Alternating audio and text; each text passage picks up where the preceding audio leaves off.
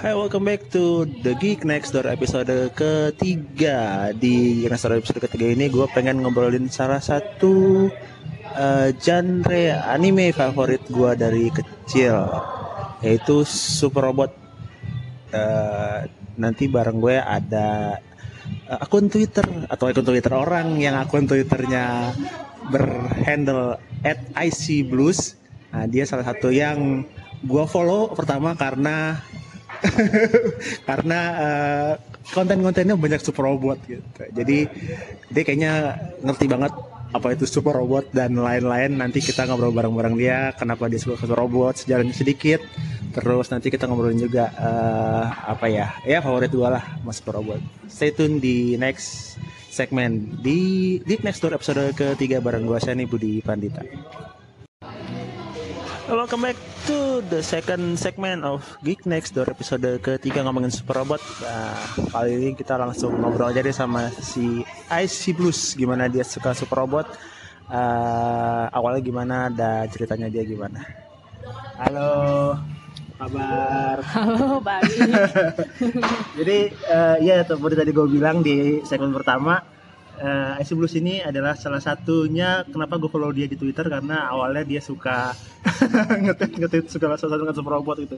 Dan selama ini gue jarang gitu yang yang nemu. Itu lo kenapa sih suka super robot itu pertama kali? Kenapa dan gimana sejarahnya gitu? Sebenarnya kalau ditanya awalnya gimana, ya dibilang bisa dibilang kecelakaan juga sih. Kayaknya itu ini cerita yang umum terjadi pada anak-anak Indonesia pada tahun 80-an jadi pada awalnya waktu itu hiburan kita ketika belum ada internet itu salah satu hiburan terbesar kita adalah ke rental video. Lalu nyewa video-video yang ada itu dulu untuk anak-anak ya untuk segmen anak-anak itu kebanyakan adalah anime atau tokusatsu Jepang. Yeah. Uh, waktu itu dan waktu itu bahkan masih belum zaman compact disc, disc. Waktu itu masih video bener-bener kalau uh, pernah ngelihat yang Betamax ya. Uh, Betamax ya zamannya Betamax itu bener-bener yang videonya masih pakai pita yeah. gitu yang jangan sampai gores pitanya, jangan sampai kusut kalau nggak itu rusak ntar harus ganti ke rentalnya dan lain sebagainya. Nah, jadi ya pada waktu itu kebetulan uh, yang masuk itu untuk anime banyak kan adalah super robot gitu ya. hmm. ya yang kalau genre-genre lainnya agak jarang paling dulu kalau inget paling ada candy candy yang dimasukin ke sini ya. gitu kalau untuk yang non super robot gitu ikisan. ya ikisan ya ikisan ada sih gitu cuma yang lainnya tuh rata-rata super robot atau space opera gitu nah terus uh, ya udah karena adanya itu gue nontonnya itu hmm. tapi uh, ya nggak tahu mungkin kebetulan emang cocok sama guanya jadi gua suka waktu besar ternyata sempet terus waktu tumbuh besar itu sempet ninggalin sih ibaratnya nggak nonton apa-apa gitu yang ada hubungannya dengan genre super robot tapi cuma kadang-kadang aja gitu. Tapi terus lama-lama mulai nonton-nonton lagi apalagi sekarang itu ternyata gampang diperoleh kan yeah. mau dari internet kayak mau beli DVD-nya mau beli Blu-ray-nya uh. sekarang tuh udah gampang gitu ya. Kenapa saya suka? Uh, seru aja seru aja. Dan itu kadang-kadang kalau dibilang nggak nggak masuk di akal nggak masuk di akal banget. Cuma justru karena itu gitu. Ada ada salah satu kesenangan tersendiri di situ dibanding kalau misalnya eh, genre-genre lain yang real robot lah gitu ya. Yang sangat memikirkan ini harus gimana logisnya gini gini gini ah. gitu. Ya seru juga gitu. Cuma kalau super robot tuh kayak lu bisa bisa ngeliat tiba-tiba robot segede planet ngancurin planet lain gitu. Itu ada ke ke, ke... lo katanya nggak suka gurun lagan gitu itu masalah pribadi.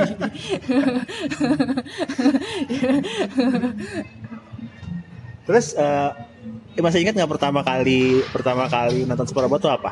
Hmm,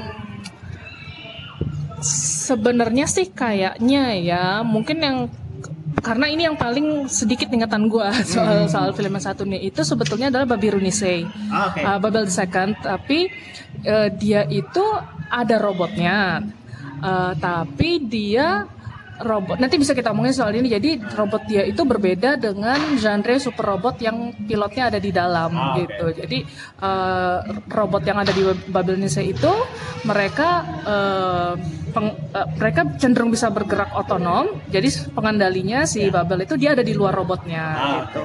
sementara uh, setelah itu baru setelahnya gue inget itu gue nonton ada Mazinger. Hmm uh, yang Z yang pertama banget, terus ada Getter yang jadi super robot paling gue suka sampai saat ini, dan waktu itu juga uh, Voltus yang gue ah, Voltus okay.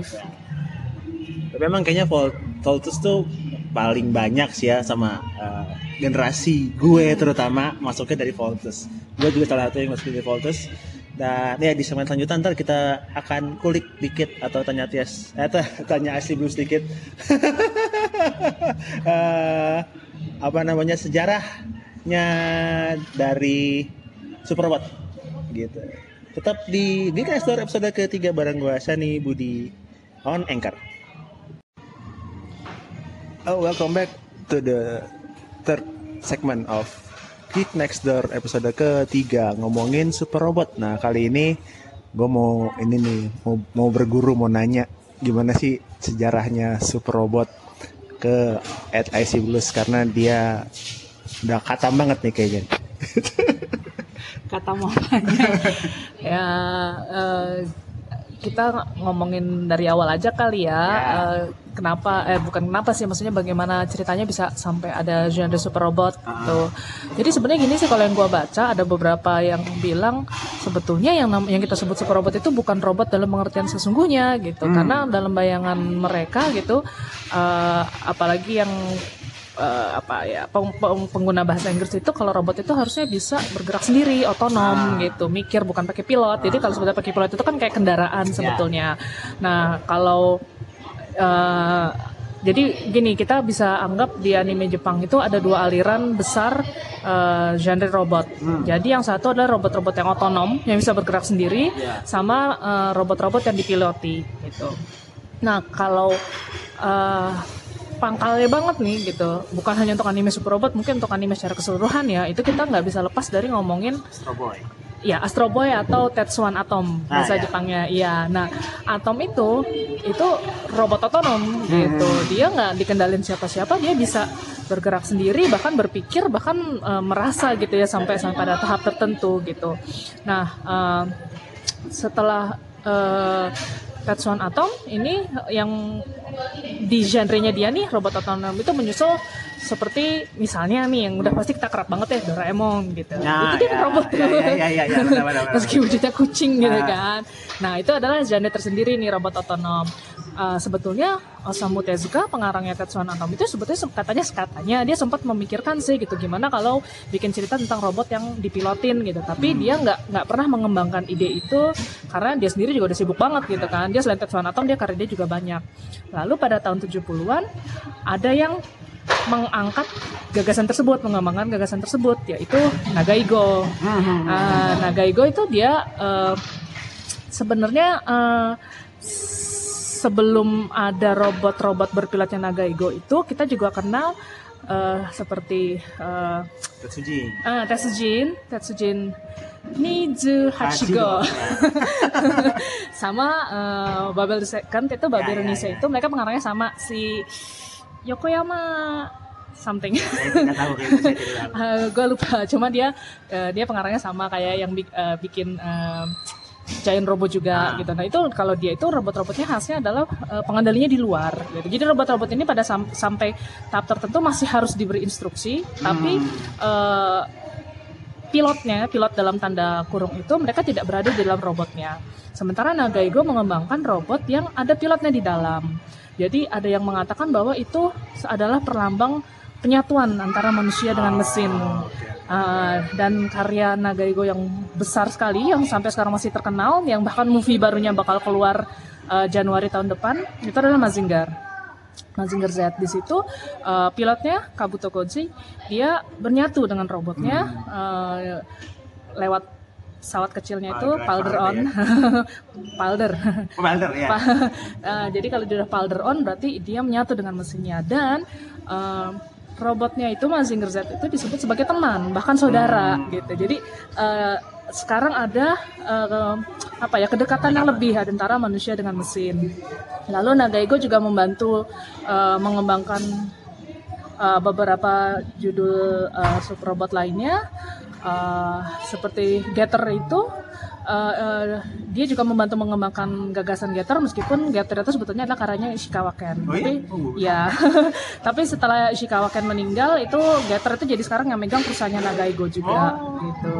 Okay. Uh, uh, lalu kemudian uh, tahun 70-an itu emang emang ini ya masa kejayaannya super robot banget ah. gitu ada banyak judul super robot yang keluar yang nggak semuanya juga masuk Indonesia jadi kalau dan nggak semuanya terkenal juga di luar Jepang maupun di dalam Jepang sendiri. Jadi kalau dicari kalau uh, lo coba cari itu tahun 70-an judul itu banyak banget. Judul-judul super robot yang obscure itu banyak ah. gitu. Dan uh, itu jadi uh, apa ya semacam uh, keasikan tersendiri sih. Lo coba-coba nyari judul super robot yang obscure lo coba cari nemu tonton tau-tau ada aja yang lucu gitu. Meskipun banyak yang namanya juga tahun 70-an nora-nora Oke, kita lanjutin lagi ya uh, omongan soal super robotnya yang uh, tadi sudah kita sebut bahwa masa jayanya itu adalah sekitar tahun 1970-an. Uh, sebetulnya sampai awal 1980-an itu masih ada judul-judul asik yang keluar sih kayak uh, Gordian, Toshi Gordian, ya itu buatannya uh, Tatsunoko Production yang sebetulnya oh, mereka iya, banyaknya, iya, iya, iya. Uh, mereka banyaknya itu judul-judul kayak uh, gacaman, gitu, uh, uh, Polimar. Tapi mereka ada satu uh, judul super robot yang juga konsepnya menarik sih. Nah, ya jadi uh, itu dia masalah konsep. Jadi super robot itu sebenarnya banyak yang dikembangkan dengan dasar ini mainannya mau dijual. Nah, itu ya. Iya. Ya. Iya, bahkan da emang dari awal gitu. Jadi mereka tuh biasanya tuh merancang itu robot ini harus menarik, bisa dijadiin mainan, dijual. Jadi dari awal itu uh, mereka mengembangkannya bersama antara anime dengan merchandisingnya. Bahkan itu jadi jadi hobi itu sendiri ya, kan ya. Orang ya, sekarang ya, masih ya. banyak yang suka ngumpulin robot sebentar-sebentar keluar versi baru gitu. Nah, di tahun 70-an itu juga Super Robot itu uh, tema ceritanya macam-macam dari yang uh, ya persahabatan lah gitu ya persahabatan hmm. anak sekolah lalu ada yang uh, Yusha Raiden, Yusha Raiden yang tahun 70 berapa itu 74 atau 75 itu itu juga salah satu apa malah 72 73 ya pokoknya itu salah satu yang paling awal gitu ya. Nah, dia ini temanya ada sedikit unsur mistiknya. Jadi meskipun itu robot, robotnya itu dianggap semacam dewa gitu yang uh, pilotnya juga menyatu dengan dengan dengan robotnya. Jadi ada unsur bukan sekedar unsur sains dan teknologi gitu, ada unsur-unsur lainnya. Lalu juga tahun 70-an itu ada yang terkenal dengan uh, namanya Romance Trilogy. Ya, ya, ya. Mm, itu jadi Voltus 5, Combattler V, Daimos. sama Daimos gitu. Mereka lahir dari tangan saudara yang sama dan mereka terkenal karena ceritanya tuh yang lebih banyak dramanya lah ya, gitu. Ya. Uh, terus Voltus 5, Voltus 5 itu sangat besar pengaruhnya di negara-negara lain, uh, termasuk Indonesia. Terus juga negara tetangga kita Filipina itu sampai sekarang itu luar biasa gede fandomnya gitu. Uh, tapi terus kemudian di awal 80-an eh tepatnya tahun 79 ya itu Tomino Tomino yang itu juga Gundam. Oh iya. gue cuma inget nama ah, iya, iya, iya. nama keluarganya. Oke, okay, dia itu tadinya sebetulnya dia tuh terlibat uh, dia tuh sebetulnya sejarah kerjanya panjang banget. Dia ah. tadinya juga membantu pembuatannya Tetsuan Atom. Oh. Terus dia uh, super robot dia juga banyak bikin. Ah. Itu kayak Zambo Tree, uh, Titan Tree dia juga ah. bikin. Uh, dia memper, tapi pada tahun 79 itu dia memperkenalkan Gundam. Gundam itu uh, kita menggolongkannya sebagai real robot. Ya. Jadi benar-benar robot itu lebih sebagai mesin perang, uh, mass produce ya. Mass produce gitu, terus juga ya, secara umum lebih masuk di akal lah daripada super robot gitu. Lalu mulai mulai itu berangsur-angsur uh, genre super robot mulai agak tenggelam, kalah dari real robot dan juga apalagi anime juga makin berkembang kan, banyak ya. genre-genre lainnya gitu. Tapi sekitar tahun 90-an uh, Super Robot mulai naik lagi karena uh, ada gamenya Nah, Super Robot, Robot Wars, Wars ya. ya karena uh, di Super Robot Wars itu ditarik jadi yang robot-robotnya dan 70-an ditarik termasuk mengisi suaranya juga oh. uh, sebagian besar masih tetap yang lama yang yang uh, di, uh, mengisi suara ah. di game itu sekarang gitu nah terus uh, bukan hanya penggemar lama kan akhirnya yang main game itu tapi juga penggemar-penggemar baru akhirnya lalu uh, dibikin waktu itu Get Robo Armageddon. Oh ya. Uh -uh, itu kalau di bahasa Inggrisnya di, uh, lebih dikenal sebagai eh sorry bahasa Jepangnya lebih dikenal sebagai change getter. Nah dari situ uh, ternyata lumayan heboh. Nah sejak saat itu juga semakin banyak judul-judul super robot lain yang bermunculan baik remake dari judul-judul lama tahun 70-an ataupun yang rancangan-rancangan yang baru yang lebih kekinian lah istilahnya gitu. Nah, tadi kan uh, Asiblus sempat bilang kalau paling favorit adalah uh, Get Robo. Uh, nanti abis ini kita akan ngobrolin kenapa dia paling suka Get Robo. Apakah karena karakter pilotnya, apakah karena robotnya yang bisa berubah-ubah sesuai uh, dengan kondisi yang uh, tiga form itu. Mari kita dengerin setelah yang satu ini di Geek Next Door bareng gue Shani Budi Pandita on Anchor. Welcome back to the fifth segment of The Geek Next Door. Episode ketiga bareng gue Sandi Budi Panita ngobrolin super robot. Ada juga IC Blues nah si IC Blues ini super robot favoritnya sampai sekarang itu Getter. Getter mana pun ya? Mana pun. Getter mana pun. Nah gue sebenarnya penasaran sih pengen nanya ke dia kenapa gitu sampai sampai Getter tuh kenapa gitu. Kalau gue ditanya gue suka Getter tapi mungkin kalau nostalgic reason gue sih uh, lebih ke Voltus Voltus 5 nah kalau lo kenapa? Sukanya Getter kenapa?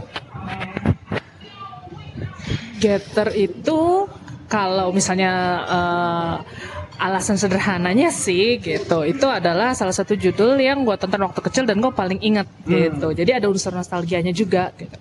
Dan tapi kalau kalau uh, semakin gue ngikutin Getter ke sini gitu gue tuh bener-bener suka gagasannya terutama adalah karena Getter itu uh, dia selalu bentuknya adalah gabungan dari tiga mesin. Nah, selalu ya, ada ya. tiga pilot gitu. Dan tiga pilot ini mereka harus bekerja sama untuk uh, berhasil mengendalikan robot itu.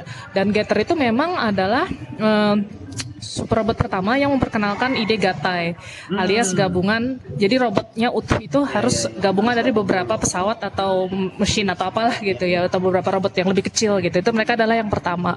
Dan itu tidak akan bisa berhasil kalau ketiga pilot ini nggak bisa bekerja sama. Jadi unsur itu sangat sangat uh, uh, besar gitu ya di Getter. Terus um, Getter itu uh, panas. Jadi ya, sebetulnya itu, itu emang ciri khas sih. Jadi kayak uh, apa namanya anime-anime robot yang buatan bukan robot doang sih kalau uh, Nagaigo gitu yang ada sentuhan Nagaigonya itu biasanya tokoh-tokohnya emang hot, uh, ya hot headed uh, uh, hot blooded gitu. Bener-bener itu panas gitu uh, bersemangat gitu dan um, gua tuh akhirnya nonton ulang ya Getter yang pertama yang tahun tahun 70-an dan itu pun pada saat itu tuh udah keras loh untuk masanya itu keras dan panas gitu. Seru gitu jadinya nonton. Jadi kalau battlenya tuh nonton juga seru.